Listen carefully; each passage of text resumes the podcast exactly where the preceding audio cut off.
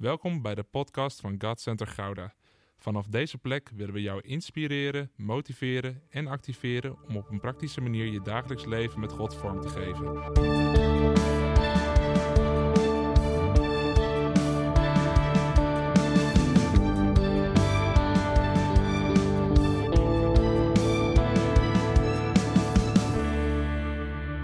Ik wil jullie meenemen naar bijna vier jaar geleden.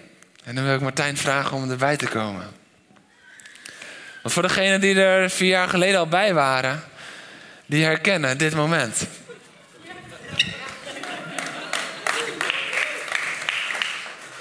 En ja, we zijn behoorlijk gegroeid in de afgelopen vier jaar. Dus heel veel mensen denken nu, wat gebeurt hier? Vier jaar geleden heb ik het gehad over de barmhartige Samaritaan.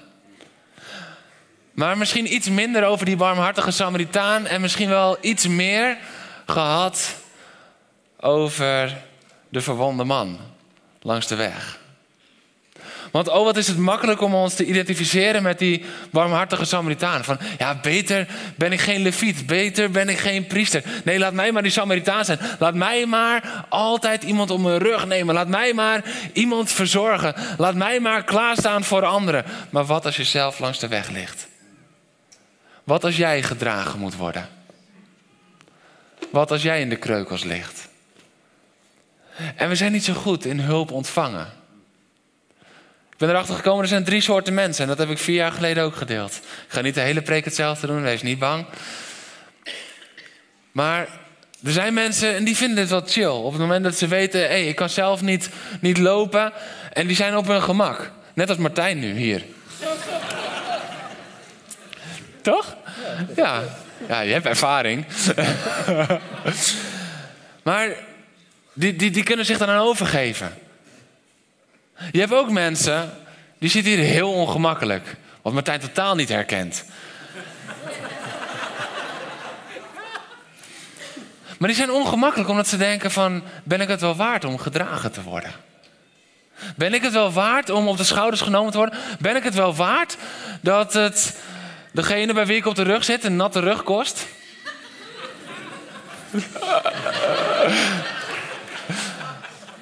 ben ik dat wel waard? Ben ik het wel waard om naar mij om te zien? Ben ik het wel waard dat een ander een prijs moet betalen om mij te verzorgen? En dan heb je ook nog de derde categorie. En de derde categorie, die zegt: Ik heb het niet nodig. Ik lig hier wel goed, zo in de kreukels langs de weg. Ik red mezelf wel. En dat is hoogmoed. Maar we vinden het zo moeilijk om Zoals Martijn gewoon op mijn rug springt en blijft zitten. Om onszelf over te geven aan de hulp die we soms nodig hebben. En we vinden het zo moeilijk om ons te laten bedienen. Want, oh, wat is het heerlijk om anderen te bedienen. Maar wat is het soms verdraaid lastig om je te laten bedienen. Wat is het lekker om voor een ander te zorgen. Maar wat is het soms ontzettend lastig om je te laten verzorgen. Je mag eraf, man. Dankjewel. Applausje voor deze man die één keer in de vier jaar op mijn rug mag springen. Het is altijd ongezond als je niet kan ontvangen. Vandaag gaan we het hebben over laat je bedienen door de liefde. Laat je bedienen. Vandaag gaat het er niet over, hey, kom naar voren, zodat jij voor anderen klaar kan gaan staan. Nee, vandaag gaat het over, er staan mensen voor jou klaar. God staat voor jou klaar. Maar laat je je bedienen. Want we vinden het zo fijn om er voor de ander te zijn. Maar we vinden het zo lastig om te komen met onze eigen pijn. Het is zo fijn om voor die ander te zijn. Want ergens, weet je, dan, dan ben je niet afhankelijk. Maar de ander is afhankelijk van jou. En dat voelt lekker voor je hart. En, en dan voel je ook nog van, oh, ik doe wat Jezus van me vraagt. Maar wist je dat je net zoveel doet wat Jezus van je vraagt, als wanneer je zorgt voor een ander, als wanneer je laat verzorgen door een ander? Want Jezus vraagt jou niet om altijd sterk te zijn. Jezus vraagt jou niet om alles alleen te kunnen. Als hij dat van je had gevraagd, had hij de kerk niet bedacht. Het ontstaan van de kerk is het bewijs Van dat er voor jou gezorgd moet worden. Dat er voor mij gezorgd moet worden. Dat we verzorgd moeten worden en dat we elkaar mogen verzorgen. Maar we vinden het zo ontzettend lastig. En ik zie zoveel mensen gewoon als het ware verwond langs de weg liggen. Zoals die reiziger die was neergeslagen door de rovers. En de priester komt voorbij en de leviet komt voorbij. En ze lopen door omdat ze niet durven. Maar dan komt die Samaritaan. Die Samaritaan die eigenlijk op afstand moest blijven, maar die kwam wel dichtbij. En zo vaak is het zo dat we, als het ware, we liggen langs de weg. En we zeggen: nee hoor, nee, gaat wel goed. Ik heb geen hulp nodig. Nee, ik red me wel. Weet je wat het is? Het is of een gebroken zelfbeeld, of het is pure hoogmoed. En ik ga niet invullen wat het in je leven is. Maar God wilde wel tot je hart spreken wat er dieper schuil gaat. Want je kan het niet alleen. Nou, dat zijn geen positieve woorden, jawel. Want je hoeft het ook niet alleen. En God wil niet dat je het alleen doet. Dus het is heel positief dat je het ook niet kan. Want anders zou je het gaan doen terwijl het niet de bedoeling is. En dan kom je op het gegeven moment in grote eenzaamheid. Dus het is heel positief. Voor degene voor wie dat te snel ging, kijk de livestream maar na. Want ik weet niet meer hoe ik dat precies zei, maar het was wel de goede volgorde. Maar mijn hart breekt zo vaak. Voor de mensen die je gewond ziet liggen, maar die geen hulp toelaten. Maar jij bent het waard om geholpen te worden. Laat je bedienen door de liefde. Laat je bedienen en zeg dan niet, ja, inderdaad. Als we nou de volgende Glory hebben, 9 juli, dan ga ik, dan ga ik dat doen. Nee, laat je bedienen vandaag. God is de God van nu. Hij roept je nu. Laat je bedienen door de liefde. En de liefde is een persoon. Laat je bedienen door Jezus zelf. Sommigen denken van, oh, we hebben al een soort van de kerntekst gehad. We gaan het uit Lucas 10 hebben, want daar staat het verhaal van de barmhartige Samaritaan. Maar nee, we gaan naar 1 Johannes 3, vers 1. Je mag opstaan voor het woord van God. En terwijl jullie allemaal staan, dan zijn jullie lekker actief. Halleluja. Um, deze zomer gaan we de 1 Johannesbrief volledig door met elkaar. Dus je mag hem thuis ook lekker gaan bestuderen. En ik heb zoveel genade met jullie, want het is een hele korte brief. Maar met zoveel inhoud. Met zoveel inhoud dat we er een hele zomer aan kunnen spenderen. Dus iedere keer als ik het woord zal brengen, afgezien van komende zondag, want dan maken we eerst de vorige serie nog af. Maar ja, we gaan het een beetje roleren met elkaar. Vanaf dit moment verder gaan we het hebben over die 1 Johannesbrief. Omdat er zoveel sleutels en zoveel krachtige openbaringen in zitten. Ik pak nu even die van vandaag. Laat je bedienen door de liefde. Johannes 1, vers, 1 eh, Johannes 3, vers 1. Bedenk toch hoe groot de liefde is die de Vader voor ons, eh, ons heeft geschonken. Wij worden kinderen van God genoemd. En dat zijn we ook. Dat is mooi, hè? We worden niet alleen zo genoemd, we zijn het ook. Niet alleen genoemd in je hoofd, nee, we zijn het ook in je hart. Het is toch bijna alsof Johannes doorhad hoe mensen in elkaar zitten. Ja, we worden kinderen van God genoemd. Ja, maar zijn we het dan ook echt? Het wordt wel genoemd, maar nee, en we zijn het ook. Dit is wat het woord van God zegt. Je wordt niet alleen zo genoemd, je bent het ook. Dat de wereld ons niet kent, komt omdat de wereld hem niet kent. Maak een sprongetje naar 1 Johannes 4, vers 7 tot met 12. Geliefde broeders en zusters, laten wij elkaar lief hebben, want de liefde komt uit God voort. Ieder die lief heeft, is uit God geboren en kent God. Wie niet lief heeft, kent God niet, want God is liefde. God geeft geen liefde vanaf een afstandje. Nee, hij geeft zichzelf, want hij is liefde. Hij komt altijd dichtbij. En hierin is Gods liefde ons geopenbaard. Mocht je nou nog denken, ja maar houdt God wel van mij? Mocht je nou nog twijfels hebben van ben ik het wel waard? Mocht je nou nog denken van, maar hoe wil hij het dan aan mij laten weten? Want ik heb een teken nodig, ik heb een wonder nodig, ik heb dit nodig. Nee, je hebt vers 9 nodig. En hierin is Gods liefde ons geopenbaard. God heeft zijn enige zoon in de wereld gezonden, opdat we door hem zouden leven. Dat is Gods liefde voor jou. Daarin is zijn liefde geopenbaard. En daar komt nog veel meer uit voort. Maar hierin is zijn liefde geopenbaard. Door het kruis van Jezus. Door de opstanding van Jezus. Door het feit dat Jezus niet in de hemel bleef op afstand. Maar zei: Jullie kunnen je niet naar de hemel werken. Ik zal me vernederen tot aan de aarde. Ik zal mijn heerlijkheid afleggen. Het wezenlijke van de liefde is niet dat wij God hebben liefgehad, maar dat Hij ons heeft liefgehad. En zijn zoon heeft gezonden om verzoening te brengen voor onze zonden. Waar begon het? Het begon vanuit de hemel naar de aarde. Het was niet onze liefde, waardoor hij dacht: wow, nu ben ik onder de indruk, nu ga ik mijn zoon sturen. Nee, het was zijn liefde voor jou en voor mij. Gods liefde.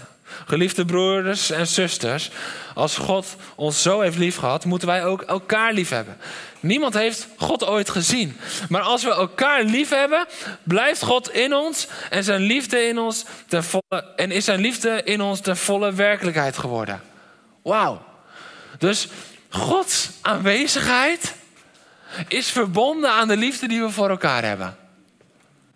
Gods aanwezigheid is verbonden aan. Maar als wij elkaar lief hebben, blijft God in ons. Als wij elkaar, als dan, als dan, als wij elkaar lief hebben, dan blijft God in ons. Pak vers 16 tot en met 18 nog heel even. We hebben Gods liefde die in ons is leren kennen en vertrouwen daarop. God is liefde. Wie in de liefde blijft, blijft in God en God blijft in hem. Zo is de liefde bij ons werkelijkheid geworden. En daardoor kunnen we op de dag van het oordeel vol vertrouwen zijn. Want hoewel wij nog in deze wereld zijn, zijn we als Jezus. De liefde laat geen ruimte voor angst. Volmaakte liefde sluit angst uit.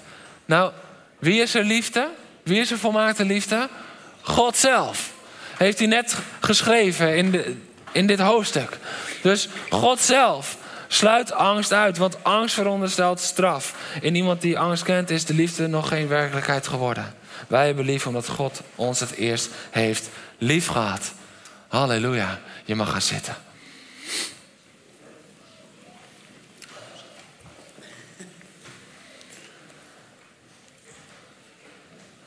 Laat je bedienen door de liefde. We gaan kijken naar twee soorten vandaag. De liefde direct van God en de liefde van God, direct van God, maar gegeven door mensen. Maar laten we eens beginnen bij die eerste. Die eerste is namelijk de goddelijke liefde die niet bestaat uit woorden, maar uit daden. Weet je wat ik zo mooi vind? Daar gaan we het ook nog over hebben later in de zomer. In hoofdstuk 3, vers 18, er staat er: Kinderen, we moeten niet lief hebben met onze mond, met woorden, maar waarachtig, met daden. Want als die twee niet synchroniseren, Oh, oh, oh. Dan worden de woorden leeg. Dus beter gaan onze daden aansluiten bij onze woorden. Beter gaat wat we doen bevestigen wat we zeggen. Anders wordt het leeg, wordt het ongeloofwaardig. Anders is het geen liefde, want de liefde die spreekt altijd waarheid. Maar goddelijke liefde is dus ook daden. En dat, daar is deze hele brief, die 1 Johannesbrief, is daarvan doordrenkt. Niet alleen God die zegt, ik heb je lief. Je bent mijn kind. Nee, maar ook zoals in vers 9 ook staat, maar continu zien we in die brief wat God heeft gedaan uit liefde. Dat hij zijn liefde heeft getoond. Dat hij zijn liefde heeft bevestigd in wat hij doet. Dus dit is God. God die niet alleen op zondagochtend om tien uur tegen jou zegt: Je bent geliefd, je bent mijn kind. En dan succes. Nee, zijn liefde werkt de hele week. Zijn liefde wil jou bedienen de hele week. Maar de vraag is, wil jij je laten bedienen door zijn liefde? Mag God echt dichtbij komen met zijn liefde? Mag hij jou echt bedienen? Weet je, ik heb dit opgeschreven en misschien denk je van, oh nee, dit is goedkoop. Nee, het is de waarheid. En de waarheid is gratis, want het is de genade van God. Maar dat was niet goedkoop, het is duur betaald. Door Jezus zelf. Maar waar je ook mee worstelt, waar je ook doorheen gaat, het antwoord is de liefde van God. Het antwoord is Gods liefde. Op alles. We zouden nu een QA kunnen doen. En dan zouden jullie allemaal vijf vragen mogen stellen. We hebben 2000 vragen, dat is bar veel. En op alle 2000 vragen zou ten diepste het antwoord zijn: de liefde van Jezus. De liefde van God is wat je nodig hebt. Ja, maar Jeroen, dat is te makkelijk. Want, weet je, ik worstel met zo'n gebroken zelfbeeld. Ik worstel met zo'n gebroken... Want mijn ouders dit. En mijn juf en meester dat. En mijn school vroeger dit. En de gasten van mijn voetbalclub zo. En ik kan gewoon niet meer mezelf zien zoals het zou moeten volgens de Bijbel. Ik heb therapie nodig. Nee, je hebt Jezus nodig. Ik heb een proces nodig. Nee, je hebt Jezus nodig. Ik wil niet grof zijn voor mensen die door een proces gaan vandaag. Ik wil alleen de waarheid over de liefde van God tentoonstellen. En daarmee veroordeel ik niemand die misschien al tijden door een proces gaat. Maar de waarheid is wel dat de enige die jou uit dat proces van zelf, zelf, zelf trekt, is de liefde van Jezus. Want in de processen zijn we zo vaak afhankelijk van hoe wij het doen en hoe wij er doorheen stappen en de volgende stap die wij moeten zetten. Maar het woord leert ons dat het Jezus is die heeft overwonnen. Weet je, we kunnen zo snel, kunnen we op zondag You've won it all zingen. You've won it all. You've won it all. En de handen gaan in de lucht. En het hart gaat open. En you, you've won it all. U heeft alles overwonnen. U heeft alles gedaan. Het is volbracht. Halleluja.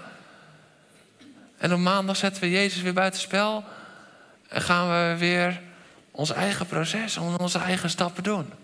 En ja, je moet in beweging blijven. En ja, je mag soms in een genezingsproces zijn. Maar wel als Jezus de leidraad is daar. En wel als de liefde van Jezus het medicijn is en niet een of andere theorie door een psycholoog aangeleerd. Die kunnen je helpen op de korte termijn. Maar de liefde van Jezus is de enige die je echt vrij maakt. Denk je dat je van je angst van afwijzing komt door om te leren gaan met bepaalde situaties? Ja, voor een tijdje. Totdat de situatie te groot wordt. Maar alleen de volmaakte liefde drijft de angst uit. Weet je wat het is? Zo vaak nemen we er genoegen mee dat we leren omgaan en dat we het laten zitten. En dat noemen we ons proces.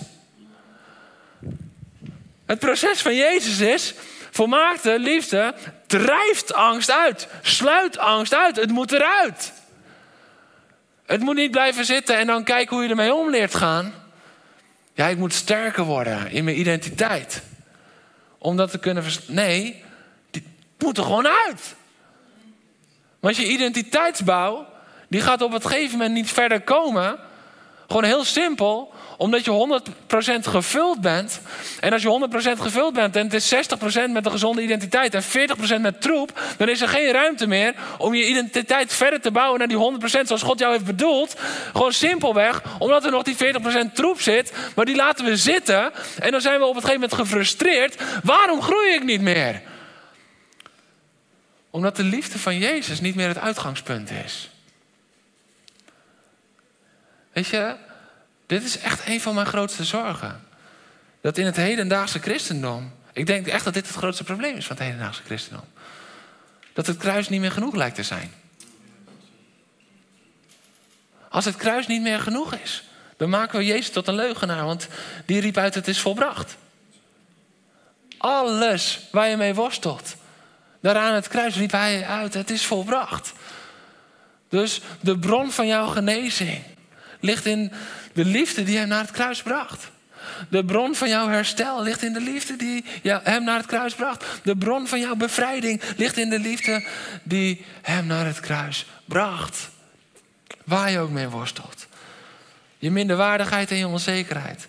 Zijn enige zoon voor jou aan het kruis. Die zegt, jij bent het waard. Jij bent het waard dat ik hier hang. Je zonde, je fouten en je viezigheid. De enige zoon gestuurd om alles te dragen. En nu zegt hij, je bent geheiligd in mij. Maar hoezo kan hij dat zeggen? Omdat hij vanuit liefde is gezonden. Johannes 3, vers 16. Vanuit liefde is hij gezonden. Je afwijzing, je tekortkomen, je falen. De enige zoon ging de weg en riep uit: Het is volbracht.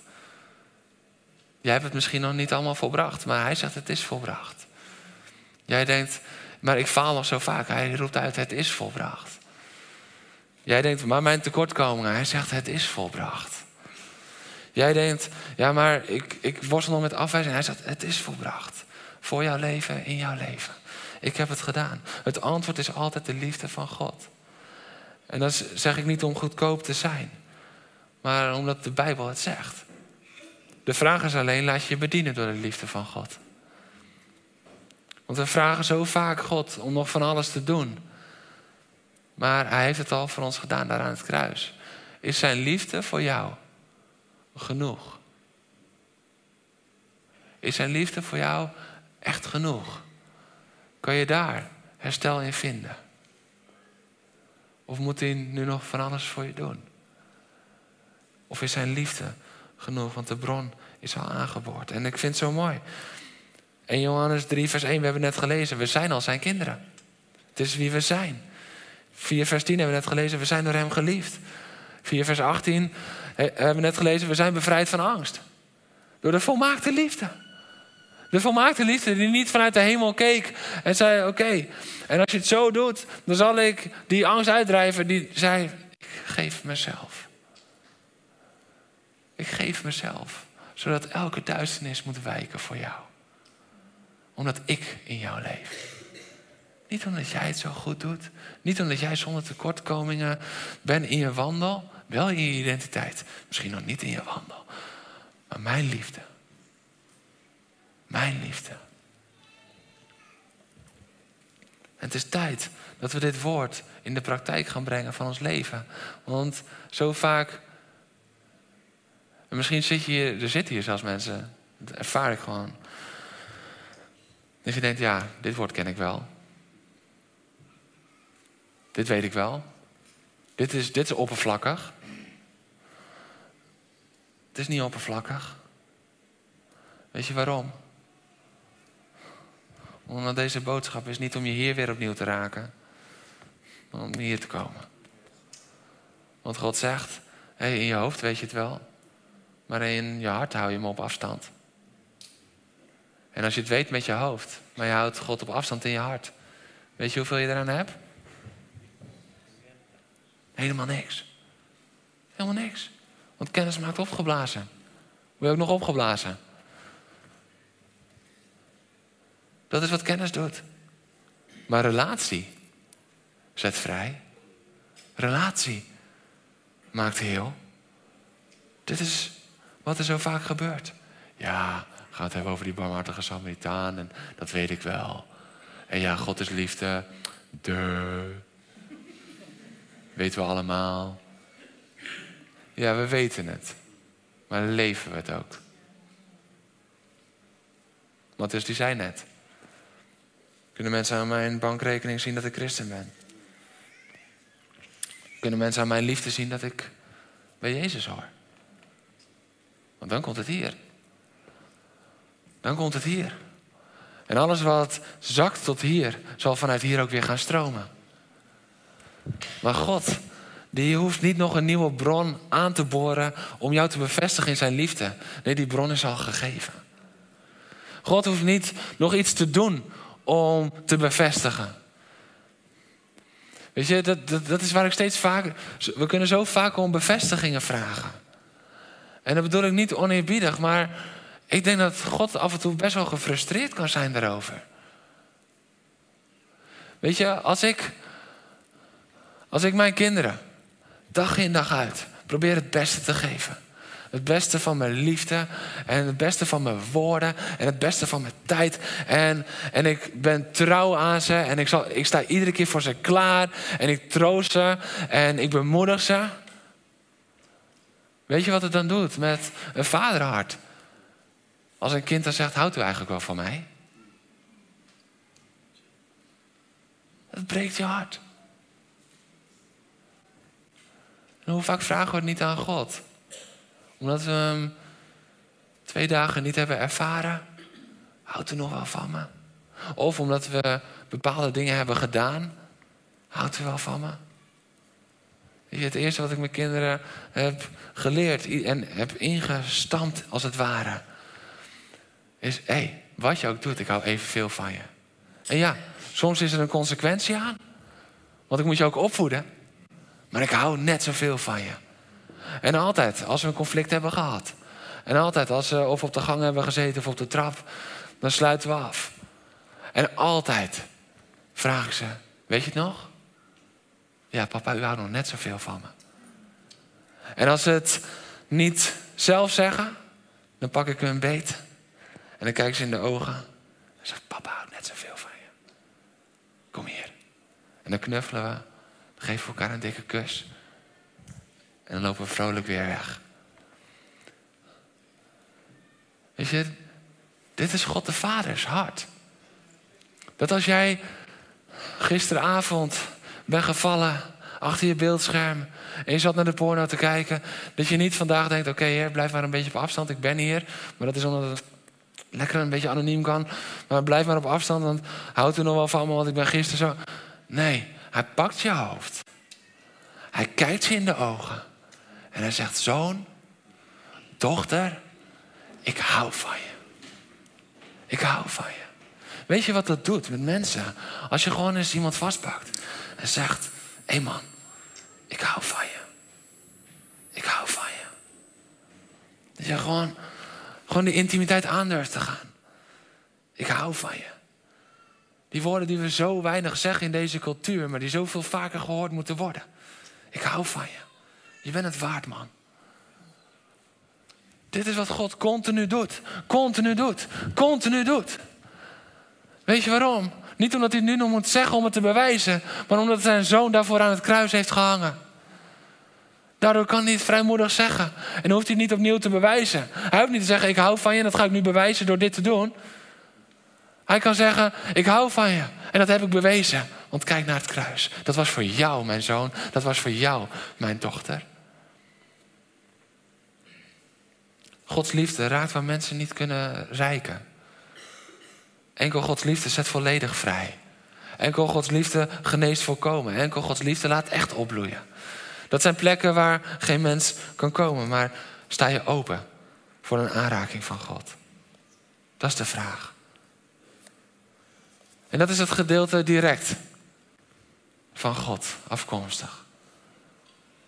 Maar God heeft ook nog iets anders bedacht. God heeft ook bedacht, en we gaan het niet alleen zo doen. Nee, we gaan het ook door elkaar heen doen.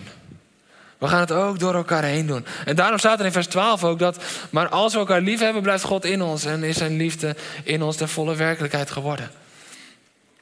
Ergens anders in Johannes zegt de, zegt de Bijbel dat aan onze liefde voor elkaar zullen mensen God herkennen. Dit is een opdracht, kerk. Dit is een grote opdracht. Dat als wij elkaar niet lief hebben, als wij niet verschillen van de wereld, dan zal de wereld God niet herkennen. Maar als we elkaar lief hebben, dit is hoe God werkt. Want zo vaak liggen we verwond langs de weg. En we slaan de Samaritaan van ons af. En we zeggen: nee, de Heer gaat het doen voor mij. De Heer gaat het doen voor mij. Dat is een heel bekend voorbeeld. Ik heb hem al ik denk al 15 jaar geleden gehoord over de man die tijdens een overstroming op het dak van zijn huis zit. Alles is overstroomd. En op een gegeven moment komt er een reddingsboot. En hij zegt: Nee, nee, nee, God gaat me, God gaat me bevrijden. God gaat me in veiligheid brengen. En ze gaan weer verder. En op een gegeven moment komt er een helikopter. En zo'n zo, zo reddingsmedewerker die laat zich zakken. En die zegt, kom. En hij zegt, nee, nee, nee, God gaat het doen. God gaat het doen. En op een gegeven moment, dan komt er nog één laatste reddingspoging. En hij zegt, nee, want mijn geloof is zo sterk, God gaat het doen. Uiteindelijk overlijdt de beste man. En het verhaal gaat dan zo, dat die beste man heeft vragen als hij in de hemel komt. En hij gaat naar God en hij zegt: God, ik snap het niet. Ik was zo vol geloof. Waarom heeft u me laten sterven? En dat God zegt: Ja, maar zoon, ik heb je drie keer hulp gestuurd. Dat was ik. De barmhartige Samaritaan zat zo vaak op de stoep, maar we slaan hem van ons af, omdat we het niet begrijpen. De barmhartige Samaritaan, die begrijpen we niet, want het gaat anders dan dat we dachten. Ik heb dorst. Oh, anders een voorbeeld. Hmm. Want God doet het anders dan dat wij denken. God doet het anders. Ja, maar God moet het doen. God is mijn herder. God is mijn geneesheer. En soms kijken we zoveel omhoog dat we niet zien wie die naast ons heeft gezet. Maar Heer, maar ik voel me zo eenzaam, Heer.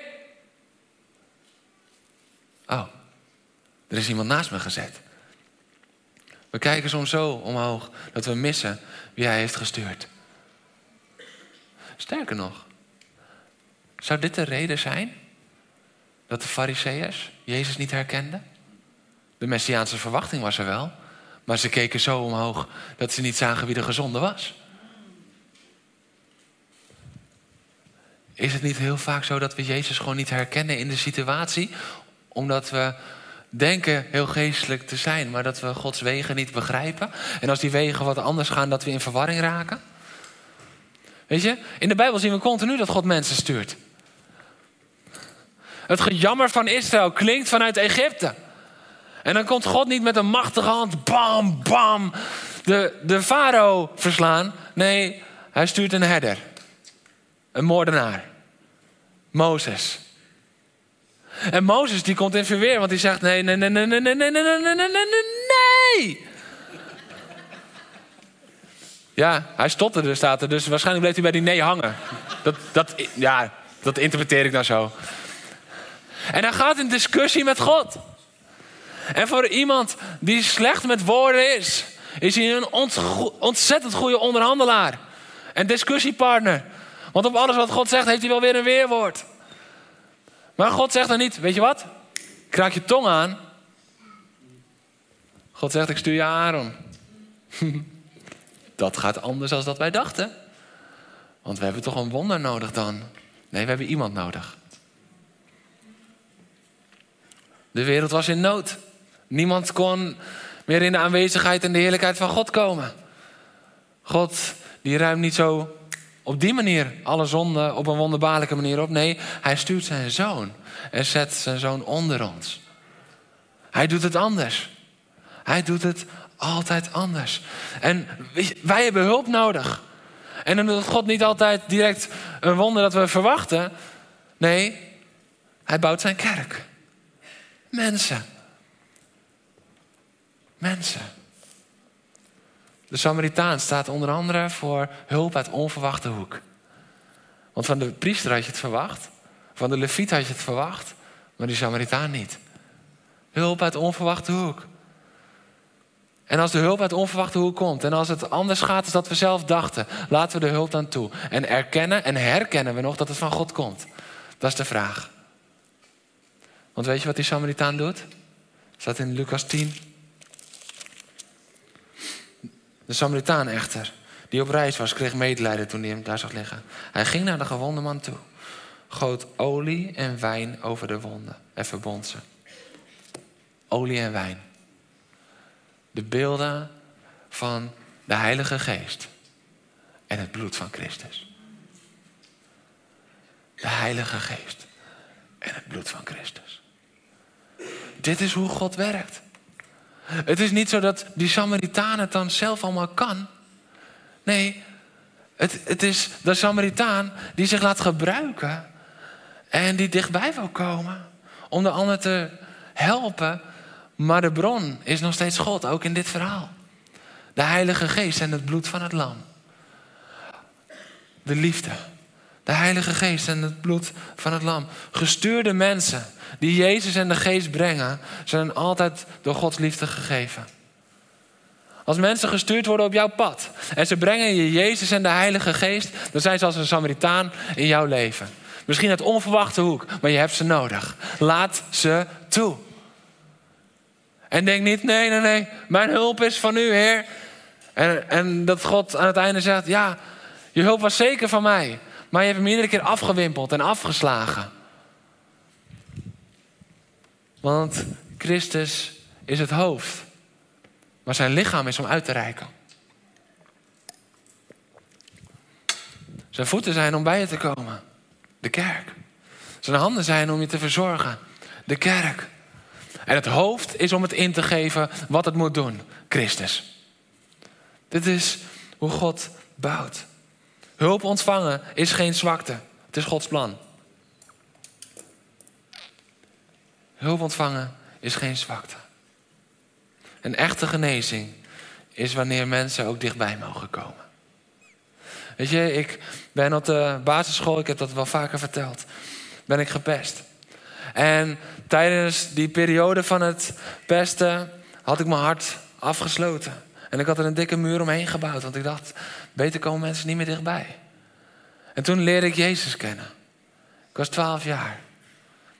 En ik leerde Jezus kennen. En zijn liefde was zo overweldigend. Zijn liefde was zo groot en overweldigend. En, en toen ik hem leerde kennen, toen begon hij ook die muur om mijn hart zo langzaamaan af te breken. Want ik moest weer leren om mensen dichtbij te laten komen. Want ik kan wel zeggen, maar nu heb ik Jezus, dus alles is goed. Maar zolang ik de mensen nog steeds niet dichtbij kon laten komen, was ik nog niet helemaal geheeld van waar alleen de liefde van Jezus mij van kon helen. Want er waren wonden in mijn hart. Er, waren, er was pijn in mijn ziel. Het doet veel met je als je gepest wordt jarenlang. Het was niet een paar weken, het was jarenlang. En op het moment, dat ik nieuwe vrienden kreeg, in het begin waren het vrienden, maar voor mij op afstand. En zij waren betrouwbaar, maar ik hield ze op afstand. Totdat God steeds meer ging openbaren. En zei maar, hé, hey, ik gebruik mensen en ik ga mensen om je heen stellen. En je moet daar ook herstel in vinden, want anders ben je niet hersteld. Maar daarvoor moet iemand dichtbij mogen komen. Kijk, het thema vandaag is laat je bedienen door de liefde. En toen moest ik denken aan de bediening.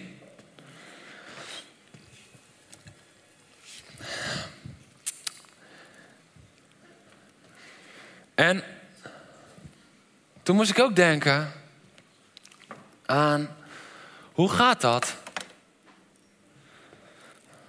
als je als God wil komen met iets, maar hij mag niet dichtbij komen.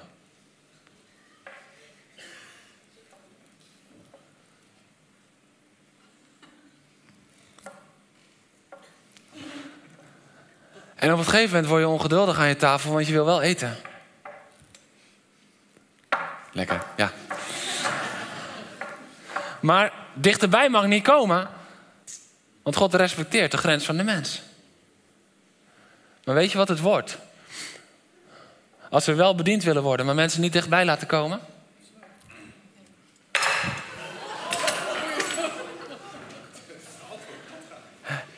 En dit is het moment dat Matthias denkt, maar dit kan niet zo. Dit is een zootje.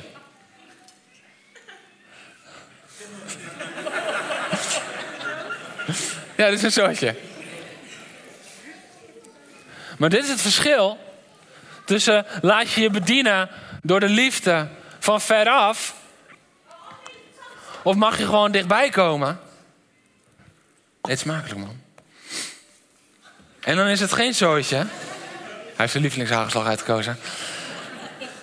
En nu is het geen zootje. Maar kan die ontvangen wat vanuit de keuken wordt uitgeserveerd. Zullen we heel even doen alsof de keuken de hemel is en het restaurant de aarde? En zullen we heel even doen dat die ober dan is zo'n Samaritaan die door God gewoon wordt gestuurd om namens hem te brengen?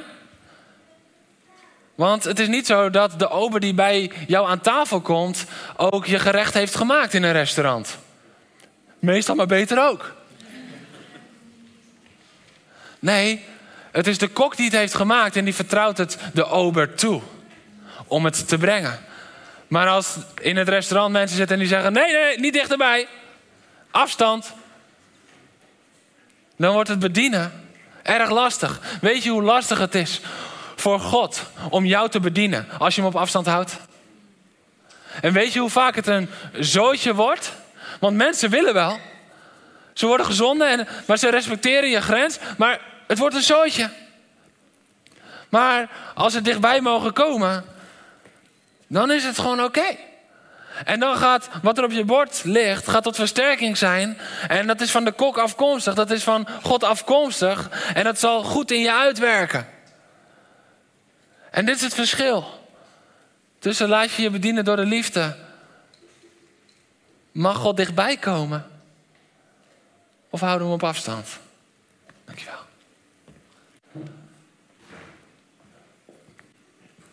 Want zo vaak houden we God op afstand. En zijn we aan het einde gefrustreerd omdat we niet verzadigd zijn. Want dat ga je niet meer eten. Omdat het een zootje is geworden. En we kijken niet naar onszelf, maar we kijken alleen maar naar... Heer, u heeft me weer teleurgesteld. Het is weer een zootje geworden in mijn leven. Dat is geen confetti. Het is geen feestje in mijn leven op dit moment. Heer, waarom?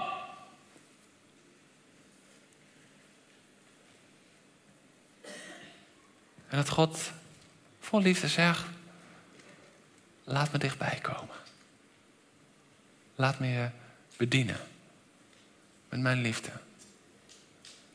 Ik vraag of de band naar voren komt. Laat me je bedienen met wat ik al heb gedaan daar aan het kruis. Laat me je bedienen met wie ik ben, zegt God, want ik ben liefde. Hoe denken we liefde van Hem te kunnen ontvangen als we Hem niet kunnen ontvangen, als Hij zich identificeert met datgene van wat we van Hem willen ontvangen? Hij is liefde. We vragen om Zijn liefde, maar we willen Hem op afstand houden. Dat kan niet. Maar Hij is hier vandaag om jou te bedienen. Hij is hier vandaag. En hij vraagt je: mag ik dichtbij komen? Mag ik je aanraken vandaag met mijn liefde? En als het mijn wil is en mijn weg is, mag het dan ook door iemand anders heen? Misschien wel iemand waarvan je het niet verwacht. De mensen met een gele keycord, daar verwacht je het van. Maar misschien is het wel iemand die nu bij je in de rij zit en die gewoon alleen even een arm om je heen wil slaan. Die misschien wel alleen dat woordje zegt: Jij bent het waard.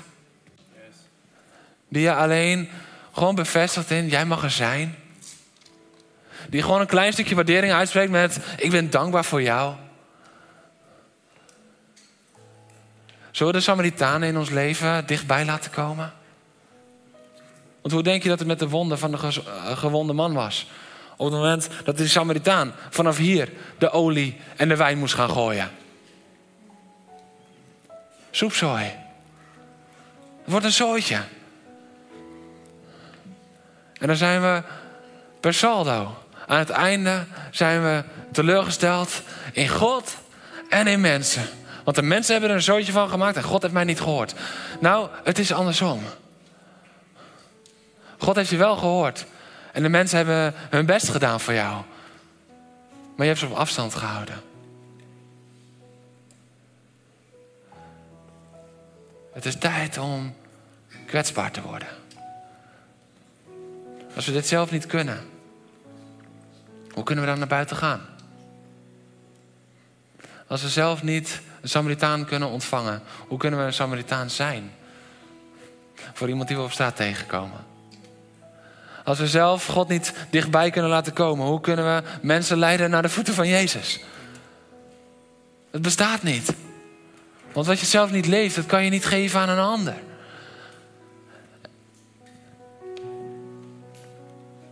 God wil jou bedienen vandaag. als ik het goed heb, gaan we zingen. U tilt mij op. Ik heb een geheim over dit nummer. Als je uitzingt, til mij op. Moet hij wel dichtbij zijn. Want zo makkelijk zingen we het terwijl we hem op afstand houden. Maar dan zingen we het niet echt. Til mij op. En draag mij door dat diepe water waar ik zelf niet meer kan staan. In uw armen. In uw armen. Niet onder uw heerschappij. Niet als u maar over mij waakt. Nee, dat is allemaal weer afstand. Nee, in uw armen. In uw armen ben ik veilig. Heer, til mij op.